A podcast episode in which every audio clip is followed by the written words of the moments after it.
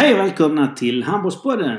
Tre Skånepågar, Johan Zanotti, Bjarne Persson och Emma Debo pratar handboll med gäster. Handbollspodden tittar på handbollssporten från tre olika perspektiv. Tränare, barn och ungdom och föreningsperspektivet. Vi låter alltid våra gäster prata till punkt och vi gillar att snacka på skånska. Häng med!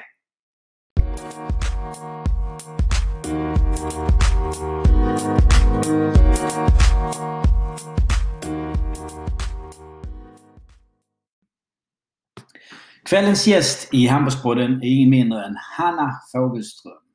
Hanna är en handbollsspelare som har varit Sävehof trogen från barnsben ända upp på elitnivå. I Sävehof så blev det inte mindre än sex SM-guld som spelare från 2009 till 2014. Efter det så blev det ett proffsäventyr i Frankrike, i Toulon och även en vända i Viborg i Danmark. I landslaget så blev det hela 68 A-landskamper som kröntes för Hannas del med brons i EM 2014 i Kroatien och Ungern.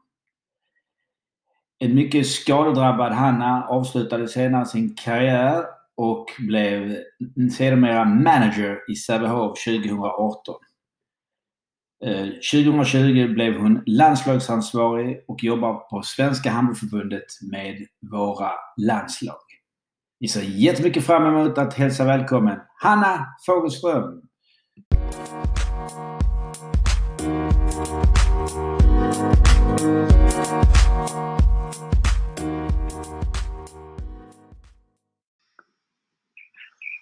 Hej allesammans och hej Hanna! Välkommen till vår podd idag.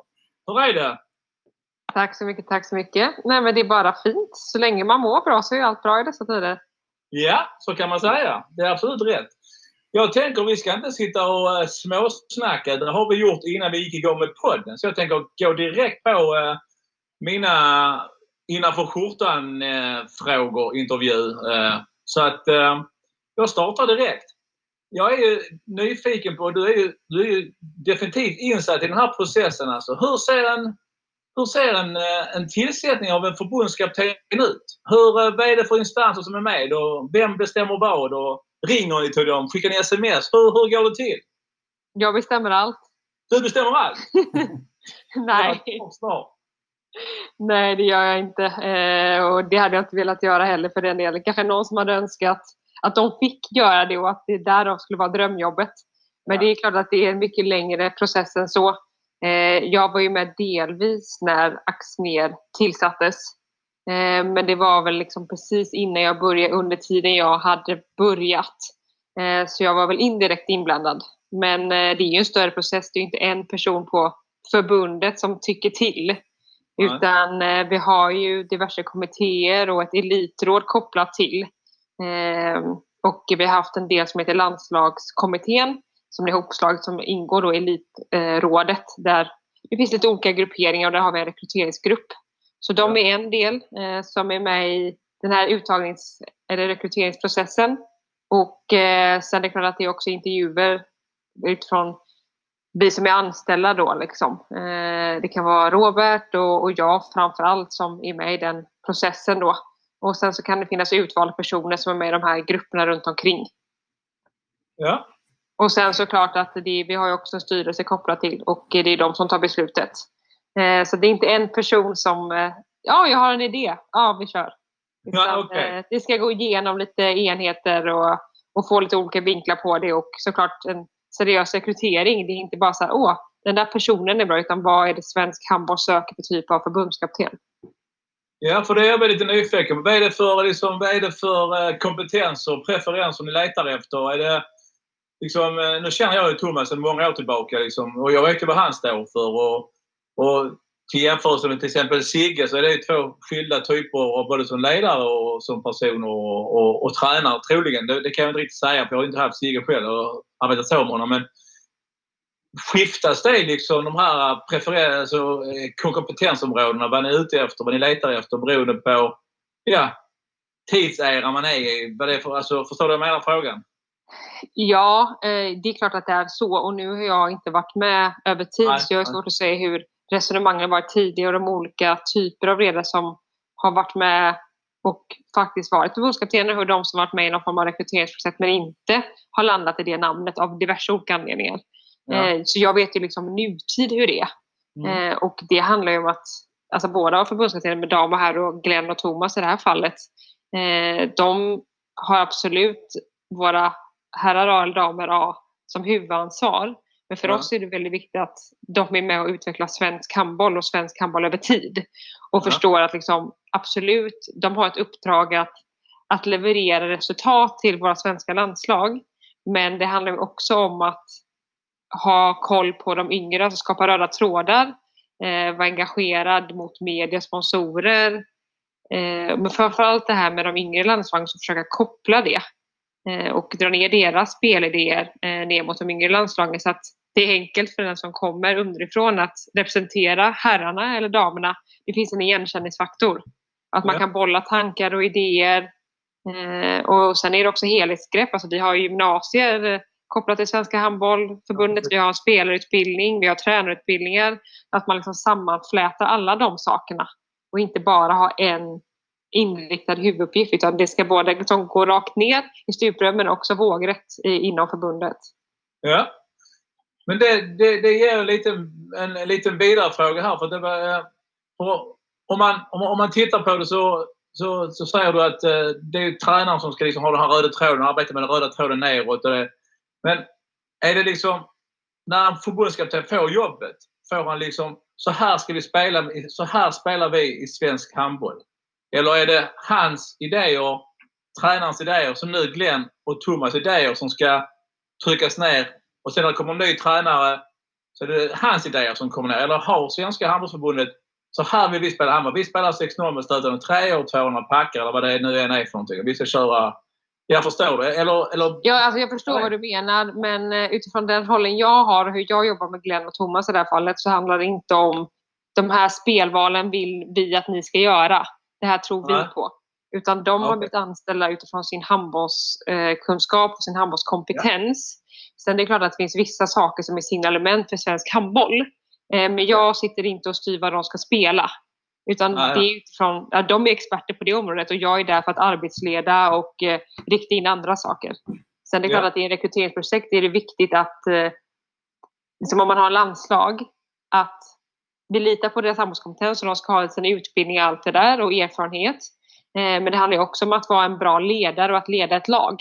Eh, de har ju väldigt få samlingsdagar över ett år och alla är typ bäst i sina klubblag. Sen ska komma till landslaget och kanske få helt andra roller. Så Ja. att alltså, vara en duktig ledare är ju också viktigt. Absolut, absolut. Jag, eh, jag, eh, jag förstår det, jag håller med dig du svarar riktigt bra på frågorna. Så jag, jag är riktigt tillfredsställd med det svaret. Tack så jättemycket Hanna. Det är precis det jag ville höra. Så det är perfekt. Eh, men jag, jag tycker vi jobbar vidare lite med runt, runt landslaget. Hur, eh, hur funkar det med, med, med ledarteamen? Är det liksom... Det var två frågor i en här. För att, har, jag upplever som att ledarteam har blivit större kring landslagen än de var tidigare. Det är fler personer involverade. Alltså, är det en rätt känsla jag har av det där? Är det, är det, är det rätt det jag säger? Eller? Ja, det beror på hur många år tillbaka i tiden räknar, men de men vi säger- senaste tre, tre åren i alla fall, eh, mig Ja. vetligen, så har det absolut eh, ökat. Men sen har vi blivit stabilt på om det är liksom mellan ja, sju till tio ledare som är med vid varje samling. Lite olika inriktningar på, på de olika lagen, men det är samma antal då budgeterat om man ska vara så tråkig för herrarna och damerna. Så det har, de, de, de har blivit större alltså? Ja, absolut. Ja, Och ja. mer specifika eh, för att kunna liksom ha en, en expertkompetens eh, som vi tror att gruppen behöver. Spännande. Och, och, har ni då influerat till exempel av Norge då som har liksom, jag vet ju när Norge åkte till OS i, i, eh, i Brasilien så hade de ju liksom, de hade ju fler ledare än spelare. Alltså, Ja. så, är det, är det, de hade, jag, tror, de hade 21 ledare och 16 spelare totalt. Det var helt... Men alltså, är vi, är, är vi på väg åt det hållet eller är det liksom... Eh, ja, alltså jag kan ju bara själv veta hur jag tyckte när jag spelade. Alltså, vad fasen ska de, hur många ska de ha egentligen? Kan vi inte också få? Alltså lite så att man kollar lite över axeln och bara, mm, jag är lite avundsjuk på dem. ja. Eh, jag kan inte exakt alla liksom, titlar de har. Nej, men det, nej, nej. Liksom men det är ju, Men eh, vissa saker kanske man ska överväga. Behöver fler, behöver inte det. Men det handlar om att de ska kunna bidra. Då Ja. kanske det är bättre att liksom optimera till varje samling. Men på ett mästerskap så har vi mer nytta av en videoexpert till exempel, eller en, två videoanalytiker. Eh, Men på en samling hem, hemma i Sverige är det bättre att ha en fystränare med för då har vi mer tid att vara på gymmet. Ja. Så att Ja, ja. jag tycker det handlar mer om att vi ska optimera resurserna. Men ni har influerats av, liksom, av, att, av att bredda antalet, eller ta fler ledare kring laget. För det, är liksom, det kan jag uppleva som en stor skillnad från som, som det var mot tidigare. Om ni har inspirerats utifrån. Just den Jo, frågan. men har vi förstått att det gör skillnad också. Alltså för att kunna klättra i resultattavlorna så finns det vissa kompetenser som kommer stärka prestationerna för laget. Ja. Eh, Det är inte bara så här, åh vi är avundsjuka på Norge, vi vill också ha. Utan det är ju att vi tror att vi har nytta av det. Ja, det ska vara kvalitet före kvantitet. Så det är ju, Ja, men precis. Jag skulle mer Ja. säga att det handlar om vad man har för uppgift än att det ska vara x antal. Ja, ja. Absolut. Absolut. Spännande. Riktigt spännande. Hur ser då eh, du som sitter bredvid och med på alla mästerskapen och ser handbollen spelas, alltså, hur upplever du handbollens framtid? Hur, hur kommer den se ut? Hur, hur kommer att spelas? Liksom? Hur, ser du några influenser utifrån? Liksom, eller, eller du tittar inte alls på sånt? Utan, eh, ja, hur, hur, hur ser Jo, det är klart att jag har liksom, eh, jag har ju koll. Jag tycker handboll fortfarande är väldigt, väldigt roligt. Och, Ja. eh, jag var ju verkligen med på mästerskapen där sessionen innan det här när jag jobbade på TV. Ja. Och fick se allting live. Ja. Och man ser ju ofta att det går mycket snabbare och det gör det ju i framförallt damhandbollen tycker jag. Alltså tempot och fysiken, den går ju fortsatt liksom framåt. Eh, Medan herrarna vet jag faktiskt inte om den går så mycket snabbare egentligen. Eh, men jag tycker att den börjar bli mer och mer underhållande igen. Ett tag tycker jag att herrhandbollen var lite väl mycket bara stå och stångas. Och liksom mer fysiskt. Men jag tycker att den kommer tillbaka till mer liksom kvalitativt handbollslir. Ja. Eh, och jag tror att det kommer ännu mer och mer schackspel. Den som kan lägga taktiken men också utföra det taktiska som man ser att motståndarna har brister i eller man själv har liksom styrkor i. Eh, med tanke på all den eh, tekniken som finns idag. Sen ska man ju tratta ner det också. Ja, ja precis. Exakt. Ja, det kan jag hålla med om. Man- ser liksom att de stora nationerna de spelar, till- de är tillbaka och spelar liksom stora bågar, lite växelspel och får lite flow istället för så som Frankrike står och stångar som de gjorde med sina 120 kilo spelare. Så att, eh, Ja, Ja, jag hoppas- jag tror det handlar, hoppas. det är ju så här, man, ja, nu, ja, förlåt nu avbröt jag men jag tänkte just på herrarnas VM när det spelades i Danmark eh, 2019. Ja. Eh, då handlar det väldigt mycket om, alltså de danska herrarna, de var ju väldigt kliniska det de gjorde. ja, Eh, ja. alltså så himla få misstag, alltså även Norge fram tills dess. Eh, så man, det tror jag också, det handlar mycket om att minimera misstagen. Ja, det, det vet jag att det arbetar de extremt mycket med i Norge under Berges ledning. Alltså. Att de, de verkligen arbetar, de skulle minimera misstagen så att de kunde och så skulle de ta vara på de andras misstag till 100 procent. Det, det vet jag det, har, det, var, det var någonting som Berge tryckte på som skulle vara som framgångsfaktorn och, det har det blivit, det kan man ju säga. Så det är ju helt korrekt. Ja, och så många som möjligt eh, tvåvägsspelare. Ja. Eh, och jag tror fysiken är väldigt avgörande för att det är hög belastning på dem i klubblagen. Eh, och sen ska man spela landslag så det är väldigt lite vila. Eh, så att, att kunna optimera träning så att man orkar. Alltså återhämtningstiden eh, är en nyckelfaktor för att man ska kunna orka ett helt mästerskap eller också kunna bli bättre i sin handbollsutövning. Eh, Ja, inte bara så åh jag orkar spela en match, men hur ska det bli bättre då? Eh, så jag tror att fysiken är, eh, den är väldigt, väldigt viktig. Ja, det kommer att bli och det, och det kommer att bli ännu, ännu viktigare framöver, det är jag helt säker på. För just det här med, som du pratade om tidigare, att eh, förbundskapten ska gå ner och ta de här i de unga lagen och, och, och pilla och styra lite och så. Det vet jag, det var ju Berge, han toppstyrde när jag satt i Brasilien på VM. Då sa han vilka som skulle spela. För att om tre år så är de bra spelare, så de ska spela nu. Och så även om de var ur form så skulle de spela. Liksom. Mm. Är, det, är, det, är det någonstans dit du är på väg eller? Är det... Alltså vi, vårt mål är att försöka träffas alla förbundskaptener en till två gånger per år. Ja. Eh, men sen däremellan att herrarna på sitt håll och damerna på sitt håll har liksom avstämningsmöten tillsammans. Eh, för att kunna optimera det egentligen. Det är inte så att varken Glenn eller Thomas är så här, men vi vill, eller jag vill bestämma hur ni ska spela eller vilka spelare som ska spela. Men Ja. om de kan hitta ett samarbete och förståelse eh, Ja. och även öka det mot klubblagen det kan lika gärna vara att man vill att en spelare ska bli bättre bakåt för att han ska ha större på chans. Ja, Ja. kan en klubb, ett klubb, en klubblagstränare säga det till sin spelare, liksom bedriva den utvecklingen, så kommer de också gynnas av det. Absolut. Eh, så ibland kanske det är så här, om man går tillbaka till din fråga om man ska prata om en enskild spelare. Ska han eller hon möta det här mästerskapet? Ja. Eh, och det faller liksom, det är klart att då kanske Glenn eller Thomas har det sista avgörandet. Men förhoppningsvis är de så samspelta så att eh, de har diskuterat innan och om det ser vi, ah, det kan ju vara vem som helst med Dennis eller eh, Pontus eller vem som helst. Ja, ja. Att de kan känna att Nej, men det är det här jag tror på. Och, ja men absolut, vi tror på det här för laget men för svensk handboll över tid också. Och för Ja. den enskilda spelaren. Alltså, jag måste säga, jag gillar det här att det var toppstyrt. Jag gillar att, det var att man blev styrd som förbundskapten. Jag har inga, jag har inga problem med det, att jag blev toppstyrd av... eh, Liksom. Sen höll jag inte alltid med honom. Det är ju helt klart. Men alltså, jag, jag, jag gillar tanken på att där är den kontrollen på vilka vad man är ute efter. Vilka glasögon man sitter och har på sig hela tiden. Hur många år fram man har glasögonen. Det tycker jag är riktigt, riktigt spännande. Ni är på och pillar på den tanken nu. Ja, och det handlar ju om liksom den här ramen. Alltså en sak vad en förbundskapten tycker, men också här, svensk handboll, spelutveckling är det ju också. Ja, Väldigt mycket på de yngre landslagen. Eh, och där är det så här, det är den här ramen vi jobbar med. Det är Ja. klart att eh, förbundskaptenen kan variera lite inom den ramen så de känner sig liksom en frihet och att de faktiskt har ett uppdrag att utföra. Men så här, vad är uppdraget? Det Ja. måste man såklart påminna varandra om hela tiden. Är det här nytt det här när att ni, ni, ni försöker samlas, eh, vad sa du, fyra, fem gånger om året, alla förbundskaptener? Är det nytt? Är det, för det är också lite Norge och Danmark över det, att man samlas och man sätter sig. Fast Norge gör det en gång i månaden, det är lite överdrivet kanske, men Ja, ja, de gör det liksom alla tillsammans på Ullevål, så sitter man där i en, två dagar, en gång i månaden. Ja. Ja, alltså vår ambition nu är att göra en till två gånger per år, gärna två gånger per år. Och sen att respektive förbundskapten har individuella samlingar däremellan. Och då kan Ja. det vara digitalt. Ibland kan det vara några styrda ämnen men eh, det är också svårt att veta nu. Nu har inte jag varit med jättelänge så jag kan inte säga om hur frekvensen har varit bakåt i tiden. Jag vet att det har Ja. funnits, jag vet inte hur ofta.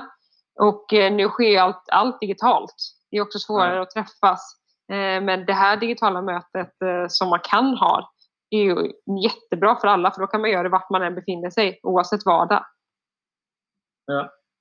Men jag tycker också att det handlar om, det handlar om en alltså kunskap och kompetensutveckling hos våra förbundskaptener också.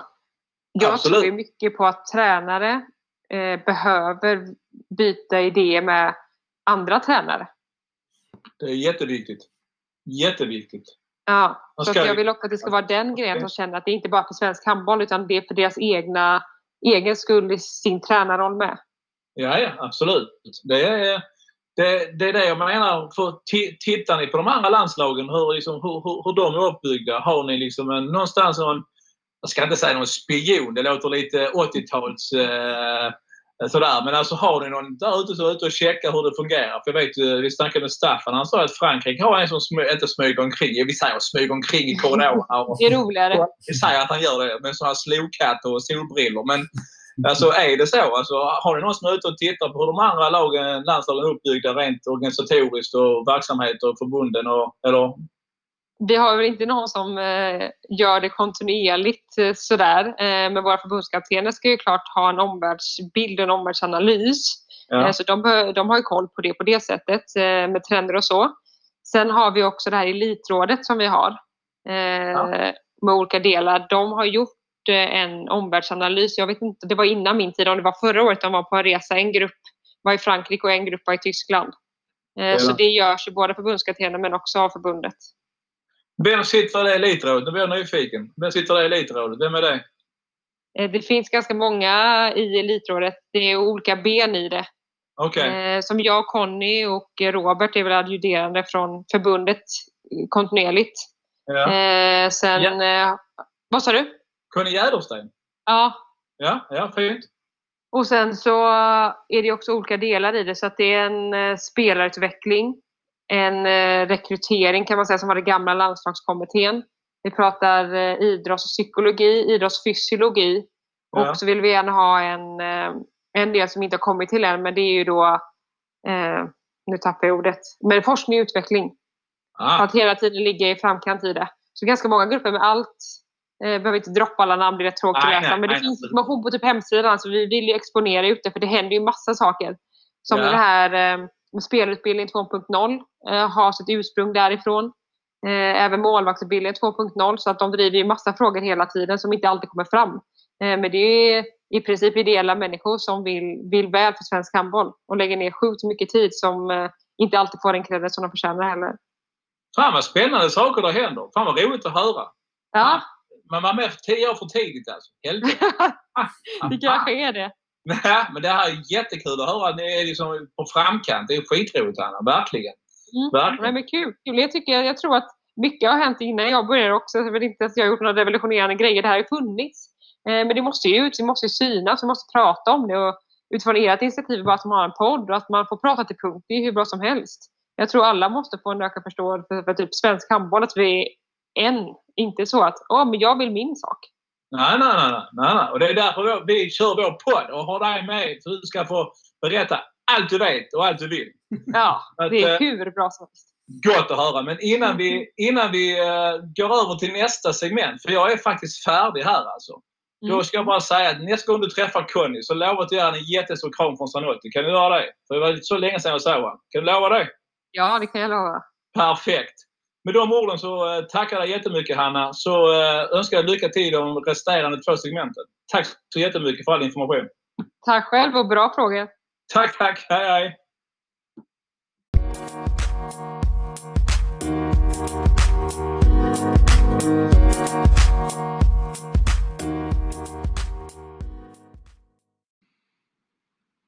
Ja, då är det min tur att eh, fortsätta prata handboll med Hanna. Eh, Johan kom ju fram med lite, lite intressanta grejer i ert samtal och jag försöker ju då fånga upp ungdomsperspektivet i vår podd. Och jag tänker, eh, kan du inte berätta lite om hur, hur spelarutbildningen idag eh, ser ut i, i det som är är er verksamhet. Och sen så är jag lite nyfiken på när, när startar eh, liksom den röda tråden från A-landslaget? Alltså när kommer den in och, och, och lite så. Alltså, det är ju en rätt så lång process i, i ungdomslandslagen. Ja, alltså först ska vi ändå säga att jag är inte helt, helt insatt i alla delar i spelarutbildningen. Eh, det har jag inte satt in mig liksom i detalj in än. Eh, det jag vet är ju att eh, framförallt Conny är riktigt expert, eh, min kollega på förbundet, eh, och driver det tillsammans med andra ansvariga och kopplar det så mycket som möjligt. Men så handbollsdelarna i det vill inte jag liksom gå in på för mycket vad det är i detalj, vad det innebär för att det har inte jag till och med kunskap för att, att prata om. Men det som är viktigt är ju att det arbete som har gjorts och tagits fram är ju riktigt bra.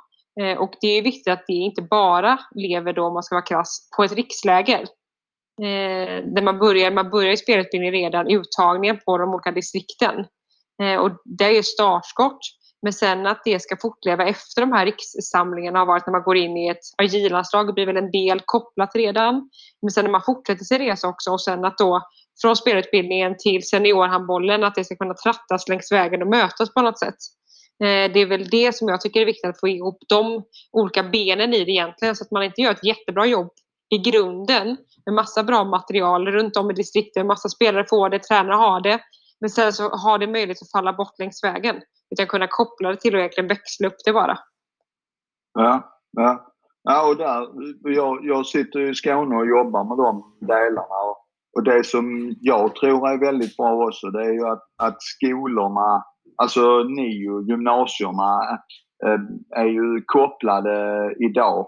Eh, vilket de inte var tidigare innan spelarutbildning 2.0. Så att där finns ju en, en, en eh, där är en del i den kopplingen som du pratar om som kommer via gymnasiet som, som är, är jättebra.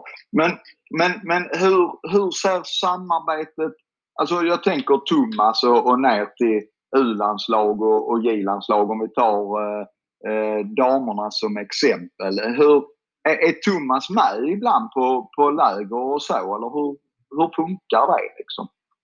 Alltså vår uppmaning är såklart att de ska vara närvarande. Sen är det svårt att kunna vara med på alla samlingar hela tiden utifrån Ja, ja. med arbetsbelastning och sådär. Men om man, jag vet att Thomas har varit med på några regionala samlingar som har varit nu. Eh, han var förbi på någon eh, NIU-utbildning som de hade uppe på Bosön. Eh, höll ett litet föredrag och där. Han var på några riksläger några dagar. Eh, så att eh, han finns och han är närvarande och det är viktigt. Och sen är det de här avstämningarna emellan då som sker med de olika förbundskaptenerna. Eh, men han vill ju ha bra spelare eh, upp till sitt landslag eh, och ha koll på det eh, över tid. Eh, Glenn har haft lite svårt sen jag började då eh, att kunna vara så mycket i Sverige med tanke på Corona. Han bor i Norge så det är väldigt mycket karantänsregler som gör att han inte kan vara mm. närvarande i Sverige. Men han har ju kontinuerliga digitala möten med de yngre förbundskaptenerna på herrsidan. Mm. För att ta de uppföljningarna hur, hur eh, jag, jag, tänker lite kring de här ligalandslagen och så. Eh, mm. Hur, hur är, är de en, en del i, i din verksamhet också? Eller, eller vem, vem, är det förbundskaptenerna som rattar dem eller hur, hur funkar de? Liksom? De ligger väl under mitt paraply om man kan säga så då. Och det är en jag skulle säga att det går på delvis rakt under seniorlandslagen men också lite kanske ett sidospår som man kan koppla med ungdomslandslagen. Så det beror lite på om vad det är för typ av samling. Om det är att vi kan få till en landskamp till exempel. Ja, men då handlar det om att få matchandet och tävlingsspela beroende på liksom säsongsbelastningen varit och vilka man tror på ska komma uppåt. Eh, då kan det vara det, men är det också en träningsspelare, kanske är det lite yngre, så det beror lite på. Det finns inte en jättetydlig, så här, det här måste ingå om man ska vara med i ligalandslaget. Eh, men det är under landslagsverksamheten. Ja, ja. Eh, ja men det, det är intressant och, och, precis som du säger att, att arbetet eh, det, det, känns mycket mer strukturerat nu med och, och, vi på distrikten har ju åtta väldigt tydliga pass vad, vad, vi, vad vi gör med, med våra spelare. Men nu, nu var det ju, ja, det blev ju som det blev i år. Vi behöver inte nämna vilken, eh, vad som inträffar men, men det, det har varit lite uppehåll till och från denna säsongen kan man säga. Ja, eh, precis. Det finns ju parenteser på allt. Ja, precis. Eh, du och Johan pratade lite om, om eh, lite trender och så. Jag tänker eh, ungdomsledarna nu i Sverige som lyssnar på den här podden. Eh, vad är vi bra på och, och vad behöver vi bli bättre på? Eh, alltså läser man Twitter ibland så är det ju någon som, som tycker att eh, vi lägger ner för mycket tid på, på fysen och någon tycker vi eh, lägger ner för lite tid på fysen. Och, eh, vad är din känsla på, på svenska ungdomsspelare?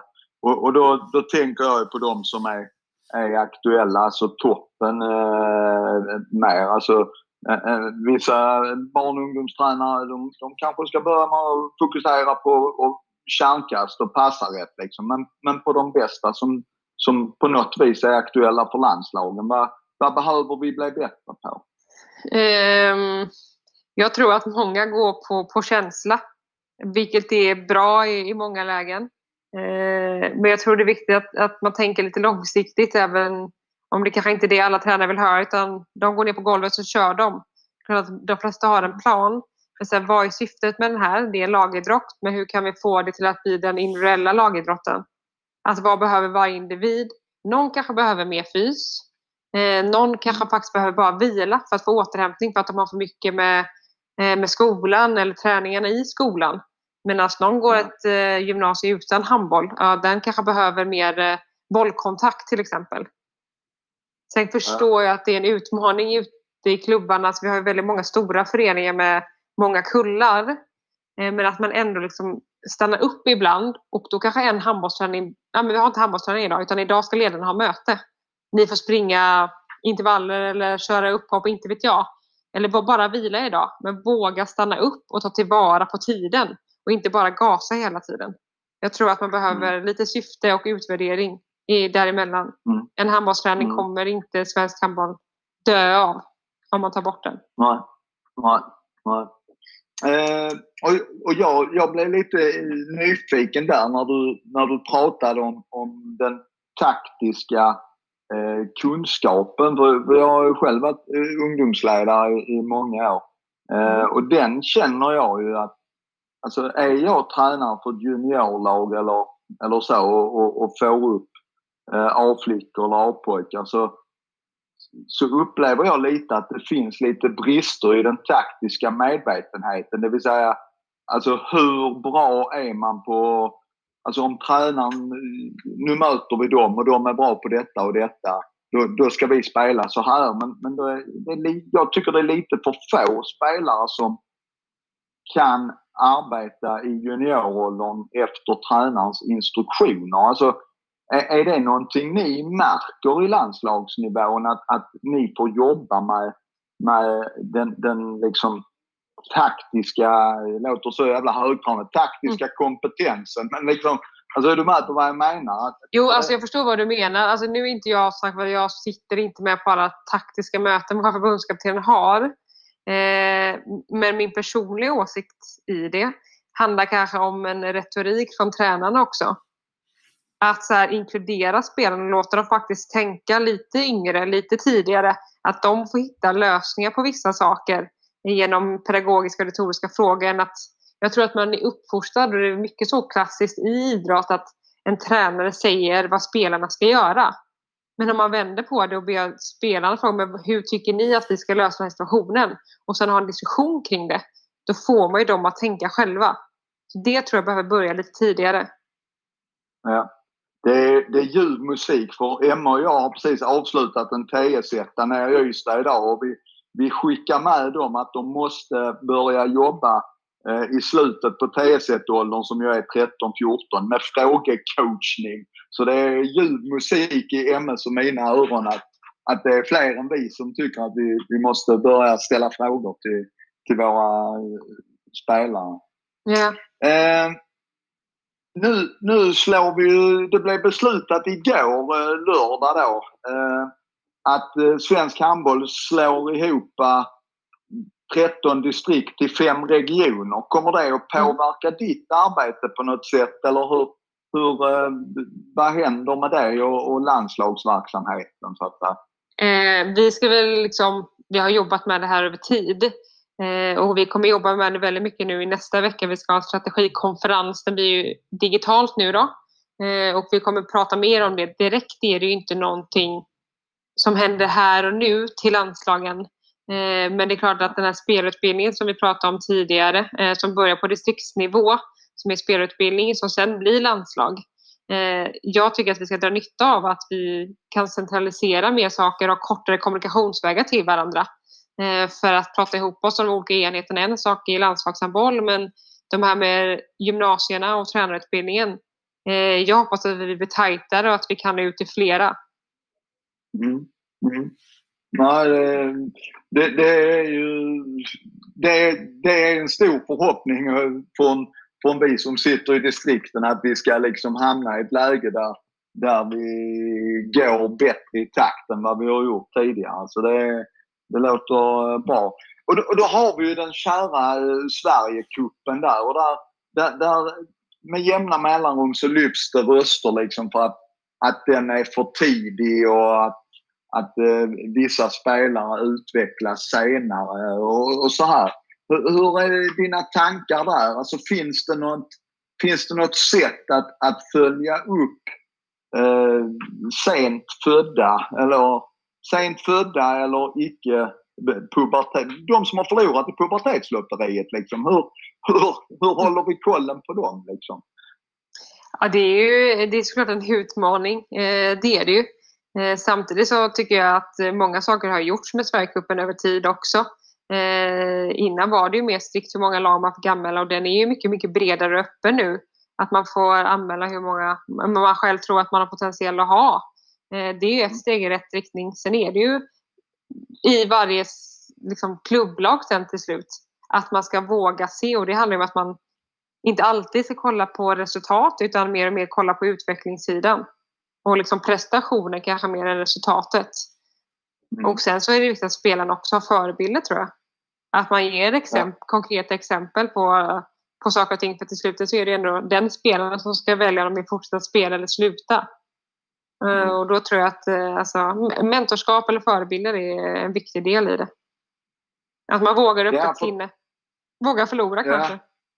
Ja, precis. Ja, och för det finns ju många exempel som, som har gjort väldigt många landskamper som inte har varit med i verksamheten innan A-landslaget. Alltså det är ju, ja, det är inte väldigt många, men det finns ju några stycken på både dam och herrsidan som, som kommer in från sidan. Så vägarna till landslaget är ju, är ju olika. Ja, Eh, och sen tycker jag att det är bra att, att det lyfts, att det diskuteras. Alltså, vi måste utmana hela tiden. Det finns ju säkert inget sätt som är det bästa över tid.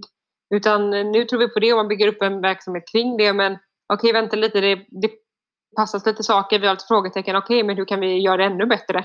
Så att man inte bara tänker, ja men nu har vi gjort en förändring, nu blir det bra. Utan vi ska ju lyssna på de runt omkring i handbollssverige som verkligen är på golvet och ser det varje dag. Så jag tycker det är bra att frågorna lyfts också. Ja, ja. Eh, för, för, för där är ju... Eh, fotbollen jobbar ju med, med ett, ett sånt här... Eh, alltså de, de kallar ju spelare till samlingar som är eh, speciella läger till de som är födda sent eller sena i, i puberteten. Uh, nu är det ju förmodligen Connys bord misstänker jag och inte, och inte ditt. Men, men har du hört talas om, om någon sådana uh, eh, samlingar eller tar man, försöker man fånga upp dem på de regionala träningsdagarna eller hur, hur går tankarna liksom? Alltså en del är ju såklart, alltså absolut skulle jag säga att det är Conny som är expert i området men det är klart att en del är de regionala träningsdagarna. Men också hur vi vill från svensk handboll att ungdomslandslagen att de ska byta spelare under tiden. Det är inte samma Mm. 16 som blir uttagna till första J-landslaget som är till det sista U utan men man ska spela eh, några mästerskap för att man ska få internationell rutin. Men att det är utbildning och att man ska byta spelare. Så det är jätteviktigt att göra det för man vet ju inte. Så det, det försöker vi styra. Sen ska man ju inte byta kan man inte byta alla, då ska man inte göra det heller. Man ska känna att det finns en mogenhet hos spelarna att spela på internationell nivå. Eh, Men där eh, gör vi aktiva beslut och riktlinjer. Ja, ja. ja för det har ju varit eh, de sista U-landslagen har, skickar man väl om, om det ligger två mästerskap två somrar i rad så, så försöker man byta ut större delen av truppen. Eller, Absolut, det är ett mål vi har att vi ska göra. Och det är också för att spelarna, fler spelare ska få utbildningen i det, eh, men också för att spelarna ska själva få möjlighet att träna upp sig. För man snor ju lite Ja. deras uppbyggnadsperioder som alla mästerskapen är på sommaren för tävlingskalendern är så. Eh, Men det är Mm. också för att individen faktiskt ska få chans att bli bättre handbollsspelare över tid. Ja, ja.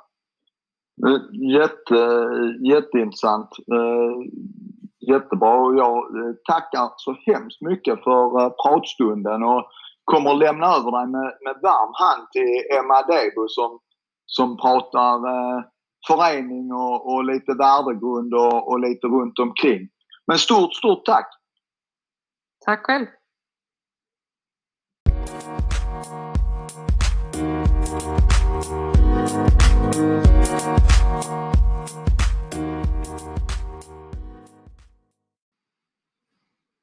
Ja, då kommer vi in i tredje segmentet här i dagens handbollspodd med vår gäst Hanna Fogelström. Hur mår du Hanna?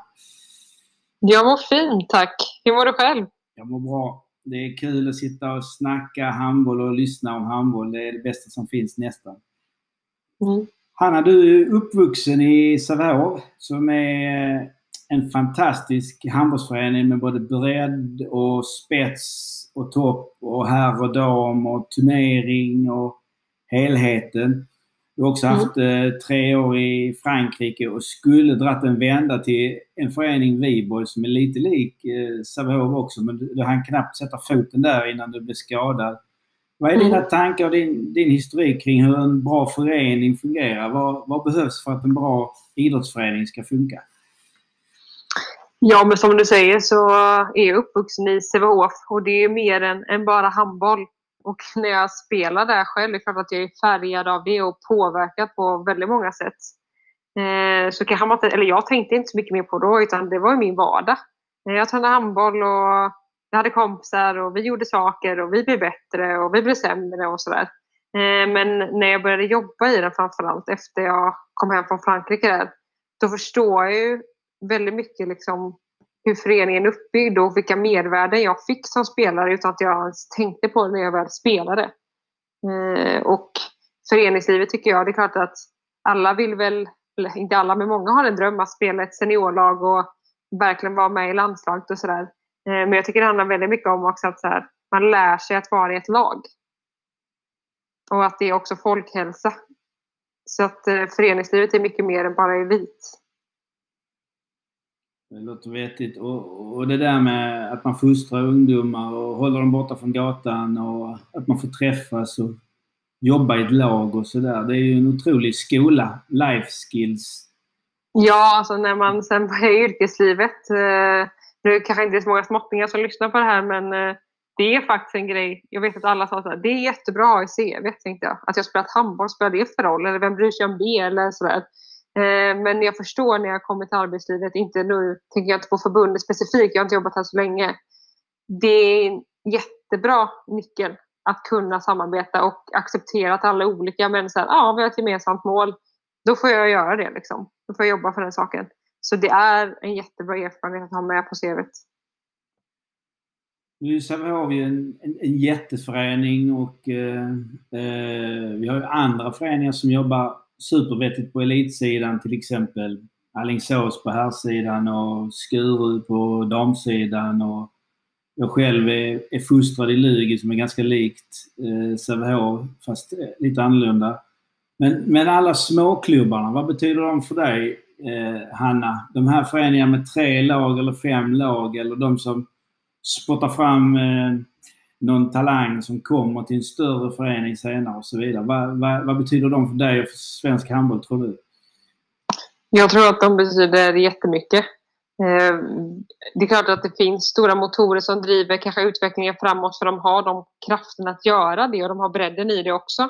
Och kunna ha mycket mer kunskap på vissa tränare för att det finns bredare material att ta på. Men eh, de här småföreningarna som ändå gör att man har motståndare och att spelare där har, har drömmar att komma vidare. Jag tror att, eller det är klart, de måste finnas. Och det är ganska unikt i svensk handboll att ha, eller handboll i stort, att ha så få stora föreningar. Eh, nu kan inte jag antalet både på Sverige och på Norge till exempel, men Norge är uppe på ett helt annat sätt. Det är mycket mindre, eller mer föreningar med färre medlemmar. Så att jag tror att bredden är jätteviktig och det vet jag var en fråga i SHF att det finns ju kranskommuner som gärna vill sätta sina barn då i Sävehof, för det är inte så långa avstånd. Eh, men ändå vikten av, som Sävehof tryckte på, att men vi vill att ni i era föreningar där ni hör hemma, liksom, där ni är skrivna, eh, för att bredda handbollen. Eh, och det tror jag är viktigt för att den, det måste vara konkurrenskraftigt som i vilket yrkesområde som helst egentligen. Mm.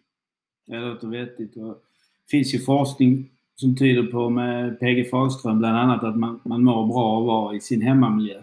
Sen kan man byta förening när man blir äldre men, men inte för tidigt. Det, det är nog ganska viktigt. Mm. Drar vi åt samma håll i svensk handboll, då tänker jag föreningarna drar kanske åt ett håll och vi har elitföreningar, vi har breddföreningar, vi har eh, eh, ligorna som har en egen organisation med Peter Gensel. Eh, vi har handbollslandslaget som är bolagiserat. Jag tänker att du sitter liksom ibland, ibland på två stolar med handbollslandslaget AB och Svenska handbollsförbundet på ett håll och så vidare. Och så har, sitter sådana tokar som eh, Björn och jag på distriktsnivå mm. och dra, eh, drar på vårt håll. Drar vi åt samma håll i svensk handboll? Både ja och nej skulle jag väl vilja säga. Eh, vissa saker bör vi bli bättre på att prata samma språk tror jag. Eh, för det tror jag alla har nytta av samtidigt som man har olika uppdragsgivare och olika syften och fokus. Eh, och det måste man ha för någon är inte expert på allt. Eh, och det måste vara brett. Och jag tror att olikheter också ger styrka till utvecklingen. Men att, eller hur ska man säga? Jag tror att vi måste tänka på att vi gör det för att vi vill att svensk handboll tillsammans ska bli bättre. Sen kan man gnabbas lite däremellan men det är ju för att man så här, tror på någonting själv och se utmaningar och möjligheter. Men Att man inte tycker att nej, hon sa det, han sa det och det förbundet sa det och den klubben säger så. Alltså, ja, vi har olika uppdrag egentligen och bemätta på olika sätt. Men jag tror att vi är bra för varandra men behöver prata eh, lite mer samma språk och förstå att vi ska göra det tillsammans.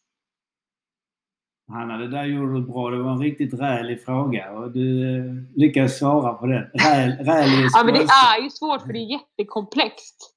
Ja, men nu lever vi i ett jättelitet land som Sverige. Nej, och man vet ju hur samhället styrs. Man vill inte ska vara hur hierarkiskt som helst. Utan det är öppna dörrar. Men det är klart att någon riktning måste pekas ut annars så tror jag att det blir pannkaka också. Jag håller med dig i ditt svar också. I stora drag så drar vi åt samma håll. Och ibland är det kanske lite nyttigt att, att vi drar åt olika håll. Jag gillar det svaret. I förra avsnittet så hade vi Sveriges bästa domarpar, Mattias Wettervik och Mirza Kutagic. Och då pratade vi lite grann om att domarna ibland drar åt ett håll och tränarna eller klubbarna åt ett annat håll. Att vi också måste känna att vi ibland är i samma båt och hjälps åt med uppdraget att, att föra sporten framåt. Vad är dina tankar om det? Jag tycker att det är väldigt intressant och jag själv har pratat en del med Mirza. Eh, det gjorde jag för att jag kände att jag behövde öka min kunskap egentligen när jag var expert på TV. Att vad sjutton, man vill ju alltid att den som är expert ska prata om vad hände nu, varför dömde de så här? Mm. Tänkte jag, men jag vill höra domarnas synvinkel på det också. Och det var riktigt intressant. Eh, jag lär mig mycket och jag tror att många tränare och spelare kan lära sig mycket också och förstå och öka samarbetet egentligen emellan. Det är ju synergier också. Och eh, både som spelare och tränare kan man ju nyttja reglerna också. Det behöver inte bara vara att man ska anpassa sig till domarna utan ja, men hur kan jag göra för att dra nytta av det? Det låter som ljuv musik. Vi kan höja kompetensen. Och du nämner tränarna och spelarna men, men jag tänker att vi också kan utbilda publiken att bli bättre eh, på eh, regelkunskap och kunna tolka dömning. Och ibland kanske vi kan hjälpa domarna att de är med och lyssnar på taktikgenomgångar med tränare för att lära sig mer om hur, hur laget spelar och tränar. Och det, det är precis det här Mattias och Mirza var inne på. Otroligt spännande killar. Så ni som inte har hört det förra avsnittet i podden. Ni borde verkligen göra det. Eh, Hanna, eh, vi har eh, ett mästerskap nu i Danmark i december för damerna och Egypten för herrarna. På, en, på, en, på, en, på fyra års tid så kan det bli två EM, två VM och ett OS. Det här är en stor fråga internationellt. Tycker du det är rimligt att vi spelar fem mästerskap på en, eh, på en fyraårsperiod eller är det för mycket? OS-året är alltid en utmaning för de lagen som spelar OS. Och det är klart att vi vill att svensk, svenska lagen ska spela OS. Eh, där vet jag av egen erfarenhet och också som jag hör av spelare att det är tuffare, eh, framförallt mentalt, än vad man tror att spela OS. Och det är svårt att kanske ladda om. Eh, annars så tycker jag ändå att, att ha mästerskap varje år, det tror jag gynnar handbollen. Alltså, det är där folk tittar på handboll. Vi som är handbollsnördar, vi kollar på varenda liten match och vilken notis och nyhet om allting. Men sanningen är ju att det är en ganska smal sport på det sättet. Eh, vill vi nå ut bredare, eh, då kan man gå och fråga på någon café. Jag har ingen aning om vilka, vilka lag som är som spelar högsta serien och vad högsta serien heter. Utan landslagsspelare, absolut, där kollar folk. Eh, så jag tror att det är en jätteviktig exponering för att vi ska kunna utveckla handbollen. Så snarare för att om vi ska göra livet drägligare för elithandbollsspelarna så är det snarare viktigt att dra ner lite på Europacup och seriespel än, än på mästerskapen. För vi, vi behöver tränga igenom i media med våra landslag och synas. Ja, så är det. Så det handlar ju om priorisering. Men jag vet ju också att Europeiska handbollsförbundet tillsammans med IOF blir det ju att den internationella kalendern har ju faktiskt skruvats om för att det har pushats så mycket från det här, både från klubblagen men också från spelarna eh, sätt att se på att de behöver längre vila. Så både damerna och herrarna har ju tidigare haft landslagsperioder i slutet på maj, början på juni. Eh, men från och med 2021 så ligger de här en vecka i mars eh, som de gjort tidigare men också en vecka i april, kanske in lite på maj. Men sen från det att sista klubblagsmatcherna i Champions League spelas då ska det inte vara några mer matcher utan då är det en brytpunkt och då är det försäsong som gäller. Eh, och det är en nyckelfråga att man ska först ha tid att vila sig som spelare och även tränare kunna typ nollställa och återhämta sig för att sen gå igång med liksom uppbyggnadsperioden. Så det har ju faktiskt anpassats och skruvats på för att kunna mm, optimera det på ett bättre sätt. Det låter, det låter ju vettigt. Sen kan man vända på det. Vi som är riktiga nördar, vi hade kunnat kolla på matcher året runt. Det är inga, inga problem. Nej, precis. Men jag tror är på bättre kvalitet om ni låter spelarna vila lite. Och alltså, tror jag också man kan vara lite extra sugen. Vi, vi behöver ha någon sorts hållbarhetstänk också. Vi har ju mycket skador i vår sport. Så det, det, det måste ju tränas så att vi får, får ner antalet skador. Ja. Du pratar om den här personen på kaféet som inte alltid känner till eh, handbollen så mycket men har koll på, på landslaget. Jag tror att om vi frågar den personen på kaféet vad handbollen är känd för så hoppas jag att den personen säger att ah, handboll är en cool sport för att det finns en speciell värdegrund i handbollen. Det, det filmas inte mycket i handboll. Det behövs inte tusentals poliser och vakter på handbollsmatcher för publiken och supportrarna är ganska schyssta. När två spelare dönar in i varandra 100 kilos klumpar, så den som kommer upp först sträcker fram handen till den andra, hjälper den upp. Vi var kanske en av de första sporterna som körde med regnbågsgrejen med både Tobbe Karlsson i Flensburg och Johan Jeppsson i Kristianstad. Symbolen att vi står för någonting, en värdegrund. Att handbollen, idrotten är större än bara det som händer på 2040. Vad tycker du om det Hanna? Vad betyder det för dig? Det betyder jättemycket eh, för mig och eh, en stolthet att faktiskt representera svensk handboll och få vara anställd i det. Och jag tycker att vi kan bli ännu bättre. Alltså en del, som du säger, den personen på kaféet eller som bara sitter hemma i tv-soffan. Eller bara, men som sitter hemma i tv-soffan och kollar. Fair play, det tror jag alla kan säga. Många säger också att eh, Ja, i, vanliga, i många sporter så är det så här eller dam idrott. Men många säger att damerna är nästan roligare att titta på. Alltså bara det att i folkmun så är det liksom handboll vi pratar om, inte eller mm. dam handboll. Eh, och det tycker jag vi ska lyfta ännu mer och vara stolta. Alltså jag som jobbar förbundet men som bara jobbar i en klubb också. Eh, även föreningslivet, om man pratar värdegrund mot partner, sponsorer eller om det är CSR-projekt. Vi är jämställdhetssport det tycker jag vi ska bli ännu bättre på att säga också.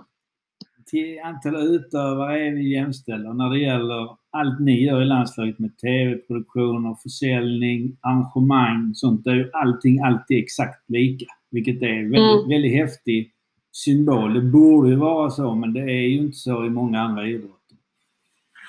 Nej, så är det ju. Sen såklart att det finns utmaningar för oss och det handlar ju inte om att vi ska vara nöjda där men vi ska vara stolta och vi ska prata om det tycker jag. Eh, sen finns det saker vi behöver bli bättre på. Eh, det har ju varit upp en del media med mångfald och sådär. Eh, och det är klart att det behöver vi också bli bättre på, men vi ska vara stolta över det vi faktiskt har gjort. Och det vi gör och det vi lever för. Finns det någonting vi kan göra där som du har om top of your mind? Nu får du en sån där ärlig fråga igen när det gäller att inkludera fler i vår idrott. Alltså en del är såklart förebilder och det bygger man inte liksom bara på en dag. Eh, att, att de finns. Eh, men jag tycker att handboll är ett eh, väldigt, väldigt bra exempel på att prata streethandboll. Ja, men hur kan vi få fler att få upp intresset för handboll? Sen kanske inte alla spelar den här 40-20 handbollen. Men att man faktiskt vet vad det är. Eh, det tror jag är jätteviktigt att bredda det på det sättet. Så street, eh, handboll tror jag är jättebra. Det har ju också blivit med, med Louis Sander och Jamina Roberts så har vi haft våra förebilder på damsidan men det har varit färre på här sidan. Vi hade ju Dalibor tidigare och Mirza Kutagic kan ju vara en, en jättebra idol för många och har också med, med annan bakgrund men eh, vi har en utmaning där och vi funderar jättemycket i Skåne på hur vi ska göra det bättre. Jag håller med dig. Handboll kan vara en nyckel att vi kommer ut på skolor och jobbar med en speciell pedagogik som Jenny Linnell begrepp, beskrev när hon var med i, i en av våra poddar för ett tag sedan. Men det... Ja, och att det är mycket på föreningar där också. Eh, att sprida och rekrytera och att, att starta föreningar. Det behöver inte vara världens största, men jag menar, någon kanske man eh, ser till att få upp ögonen och sen sprider ordet i sitt område eller sin skola. Så jag tror man måste våga bredda det också. Det är klart att det tar tid och energi, men förhoppningsvis så så ger det resultat längre fram.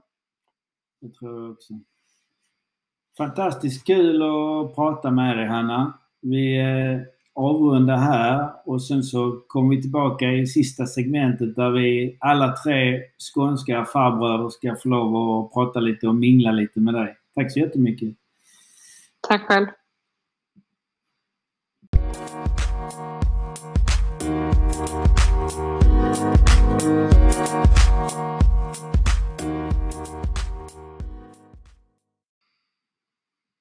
Ja, då är vi tillbaka i minglet eh, här och i minglet så är det ju eh, fyra stycken handbollsidioter som eh, sitter och snackar lite och fångar upp dels saker vi har diskuterat i, i, i podden tidigare. Men jag tänkte vara lite aktuell för att för 50 minuter sedan så kom en nyhet att Per Johansson har fått sparken ifrån Montenegros damlandslag. Och nu är ju såklart frågan till till vår landslagschef. Eh, hade du kunnat sparka förbundskaptenen eh, fyra, fem dagar innan eh, lägret, innan ett mästerskap? Äh, då ska det nog vara väldigt snedsteg av den här personen för att det ska vara, ska vara något riktigt så mot policy och riktlinjer och sådär. Bara att man inte är nöjd för att personen frågar, kanske då som Per i det här fallet har sagt upp sig. Det tror jag inte är den svenska mentaliteten. Så nej, det hade jag nej. inte gjort. Nej. nej. Och då, ett, ett sånt tänkt scenario hade kanske nu för tiden varit eh, mer än de berömda två enheterna. Där, eh, där har vi ju skärpt eh, rutinerna vad jag förstår. Ja, det är väl klart att eh, elitidrott och alkohol inte riktigt har samklang. Oavsett hur många Nej. enheter man tar i. Nej. Vi har ju haft med Per, per här i podden och vi, vi fick eh, äran, jag och Bjarne, att träffa Per och några tränare från Montenegro eh, för något år sedan när Per var relativt nytillträdd förbundskapten och det var ju en upplevelse för att vi hade ju en olika uppbyggnad på spelarutbildningen och synen på barn och ungdomar i Sverige och Montenegro. Jag säger inte att de har fel och vi har rätt. Jag kan bara konstatera att det var väldigt olika. Eh, har, har du någon erfarenhet av hur man kan jobba i andra länder på, på ungdomssidan, Hanna? Någon kommentar kring det? Jag tror att eh, väldigt stor skillnad runt om i Europa. Eh, klart att Skandinavien är någorlunda lika, men det finns nog olikheter där också. Eh, och det är både handbollstänk men också kulturella som de har liksom från, skol, från skolan. Eh, det har inte bara med handbollsprofilen att göra egentligen. Och allting med barnuppfostran kan vara annorlunda. Synen på barnkonventionen, synen på alkohol som nämndes här tidigare. Eh, Alltid man eh, var i Östeuropa förr i tiden som coach och skulle spela en match så blev man inkallad på tränarrummet innan matchen för att dricka en snaps och sånt. Jag, vet inte om det finns fortfarande men det, det är väldigt annorlunda syn. Det skulle ju aldrig hända i Skandinavien. Både, både, Nej, men vi kan inte ha, alltså, om man säger, det finns ju massa olika, men som ett Balkanland liksom. Jag vet jag själv som jag spelade, att det kunde vara spelare som jag mötte som stod och rökte utanför innan mm. matchen. Mm. Och det är så här, i Sverige, så här, det gör man inte. Alltså det gör mm. man inte. Mm. Men vi har också inte de lirarna, alltså vi leker inte handboll i Sverige. Och det är så det är uppbyggt och hade, jag tänker det ibland, hade vissa länder varit så nitiska som vi i Norden, Eh, då hade inte vi haft en chans i elitidrott. Vi ska vara glada så länge de tummar på vissa sådana saker tror jag.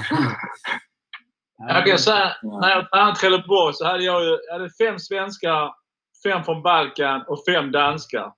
Jag kan säga att det var, det var kulturkrockar till höger och vänster. Det kan jag faktiskt säga. Så det var, det var, det var pilsner efter träningen och så var det spelare som tjuvrökte på toaletten. Sen kan ni sortera vem som gjorde vad alltså.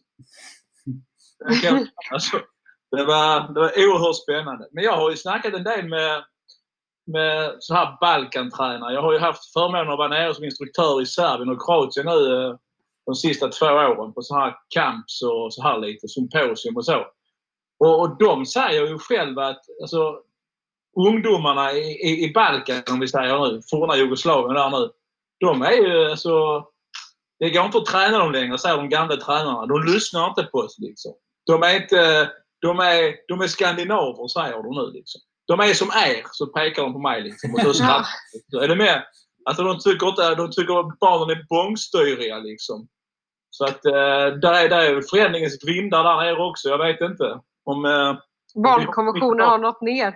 Va? Förlåt? Barnkonventionen har hittat ja. ner dit. Ja, vi kan ju hoppas på det. Alltså. Nu snackar ja. vi. Barnkonventionen gör att ungdomar blir bångstyriga. Det är positivt. Ja, men de emot och, de frågar varför de ska hoppa. Liksom. Det hade ju inte hänt för 20 år sedan. hade de bara hoppat. Liksom. Det var inte det. Men det är, nej, nu, är det, nu är de som är och så skrattar de och pekar på mig. Liksom. Ja, så får jag stå där och ta det. Men det... Du menar att du tror att de blir farligare då framöver?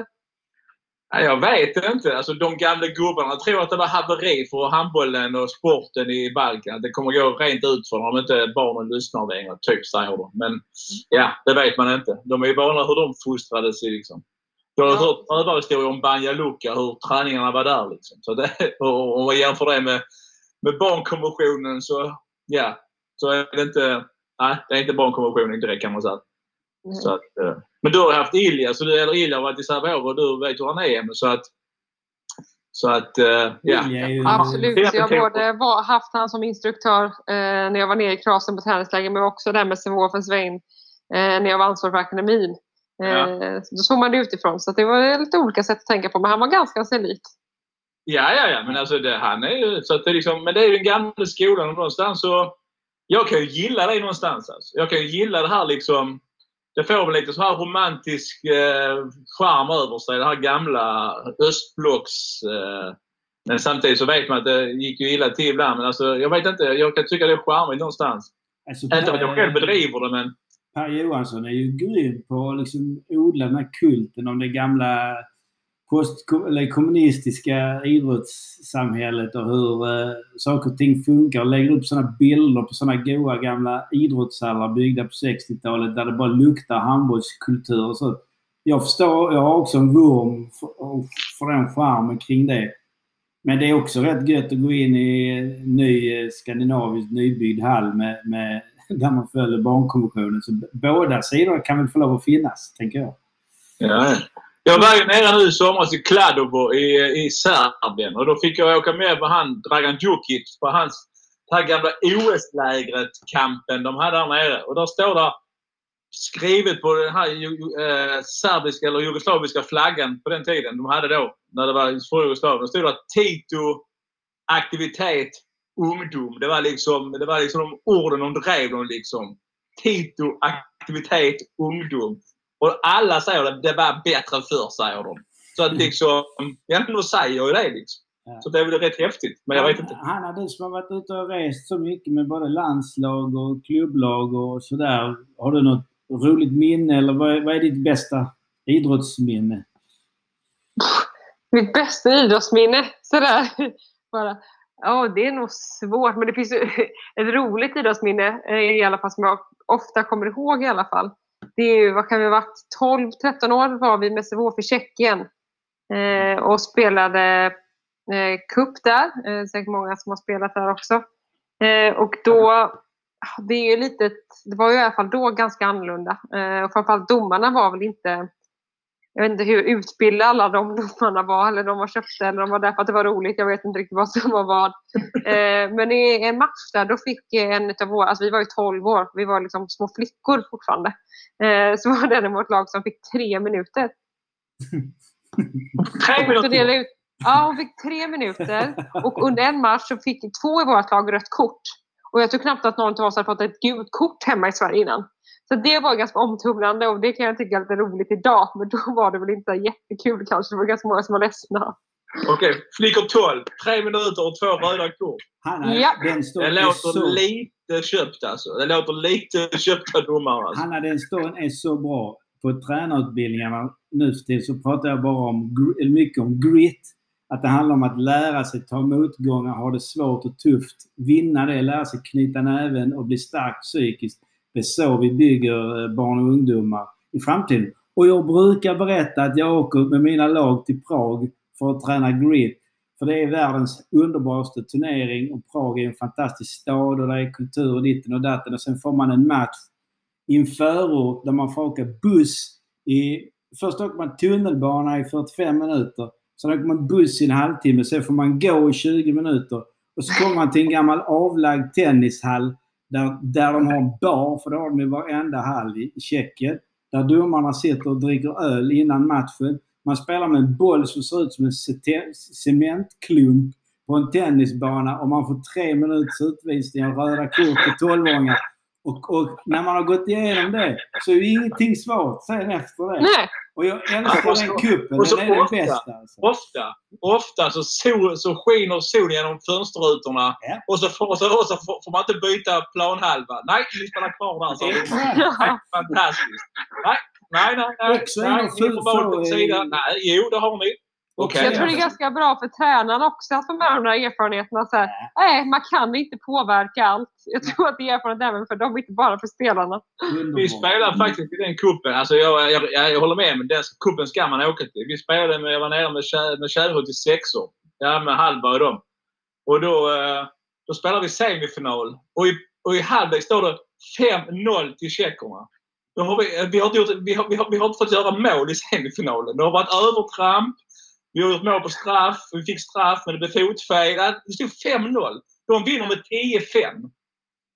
Det är helt sjukt. De vinner med 10-5.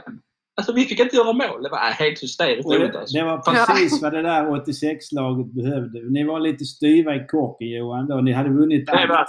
Det var de, absolut. Så där, Dom! Vadå dom? inte tränare. Försöker du Nej. hävda att inte du var styv i korken, Johan? Nej, för fan. Nej, jag var ju ödmjukast av alla. Jag lärde dem ödmjukhet ju. Det var det jag lärde dem. Det var det jag var anställd för. Hanna, hur, hur behåller man ödmjukheten när man som du är med på OS, står i, i TV inför miljoner åskådare. Du har varit TV-expert också, haft jättemycket TV. Hur, hur håller du fötterna på jorden? Mm, ja, bra fråga. Eh, en del tror jag att jag faktiskt har omgett mig av människor som inte eh, är handbollsnördar och spelar handboll. Utan jag, där jag bara kunnat, har kunnat som spelare och även nu bara kan vara Hanna. Eh, det har varit väldigt, väldigt viktigt för mig. Eh, och sen så när jag väl, när jag väl var aktiv och det är fortfarande, man är sporrad av att hela tiden bli bättre. Och om man bara kollar tillbaka i backspegeln så blir man ju inte bättre. Så där tror jag en kombination av ödmjukheten som kommer in i det också. Ja.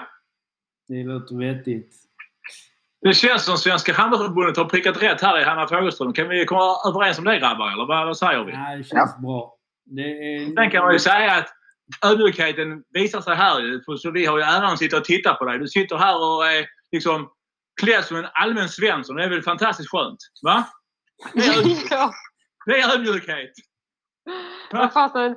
Vi- Jag kan inte bara säga åh, nu fick jag ett bra jobb. Gud vad roligt. Utan det är väl Nej. nu det börjar. Och jag tycker också här, ah, det är en smekmånad. Jag hoppas att eh, det där ordet sprider sig och att det är bra över tid också. Ja, men det kommer bli bra. Jag är helt säker. Jag är, jag är riktigt imponerad av det du sitter och säger och det du berättar. Alltså, det är, ja. Det är som Ja, det är sagt, kul. Sprid ordet vidare.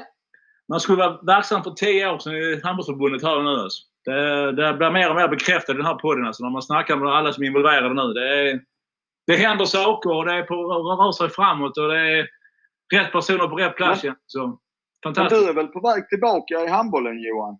Ja! Nej. Nej, nej. Nej, nej. Nej. Eh, Alltså är det Boden ska snacka nu igen? Ja, det är Emme, Emme hade hört om Boden. Nej. Nej, nej, nej. Det går ju sådana rykten Johan att du ska till Boden. Ja, Eh, ja. Du, Ja. du är ledig, du är tillgänglig på marknaden. De Ja. har bytt tränare. Kan vara, stå mellan Boden och Montenegro nu kan man ju säga. Ja, just det. Och glöm inte mina golfklubbor. Det kan vara golfklubbarna också det står mellan. Så nej, det är inte Man kan aktuellt. spela, Boden är snö nu och det, det finns sådana röda bollar. Man kan ha golfbanor på snön också, Johan. Nej, jag tränar flickor åtta och spelar golf. Det är vad jag gör. Det räcker för mig. Punkt. Nu lämnar vi det området. Tack så mycket för det. Tack. Punkt. Check.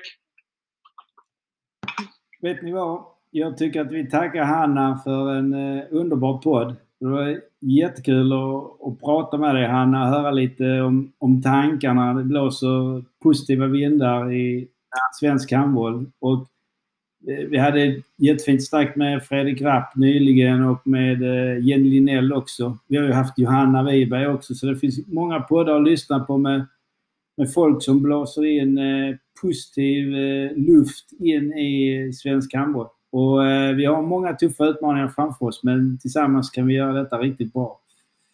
Yes. Och bra initiativ av er också. Ja, vi försöker i alla fall. Ja, det är ju jättebra. gräsrotsnivån vet du. Vi arbetar på gräsrotsnivån vet du. Det är där vi ska lyfta lite. Ja. Jo- Johan, du, Något du, till alla är bra som helst. Du klär, du klär inte som ödmjuk. Ja, Tack så jättemycket för idag. Nu håller vi där. Jag kämpar. Kämpar. Yes. Tack. Tack så mycket Hanna. Det har varit riktigt trevligt. Och jag önskar dig, önskar dig största lycka till. Tack, kör hårt. Jajamän. Hej hej. Hej.